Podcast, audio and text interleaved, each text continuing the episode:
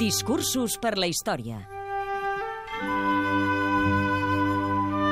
Neil Armstrong, 21 de juliol de 1969.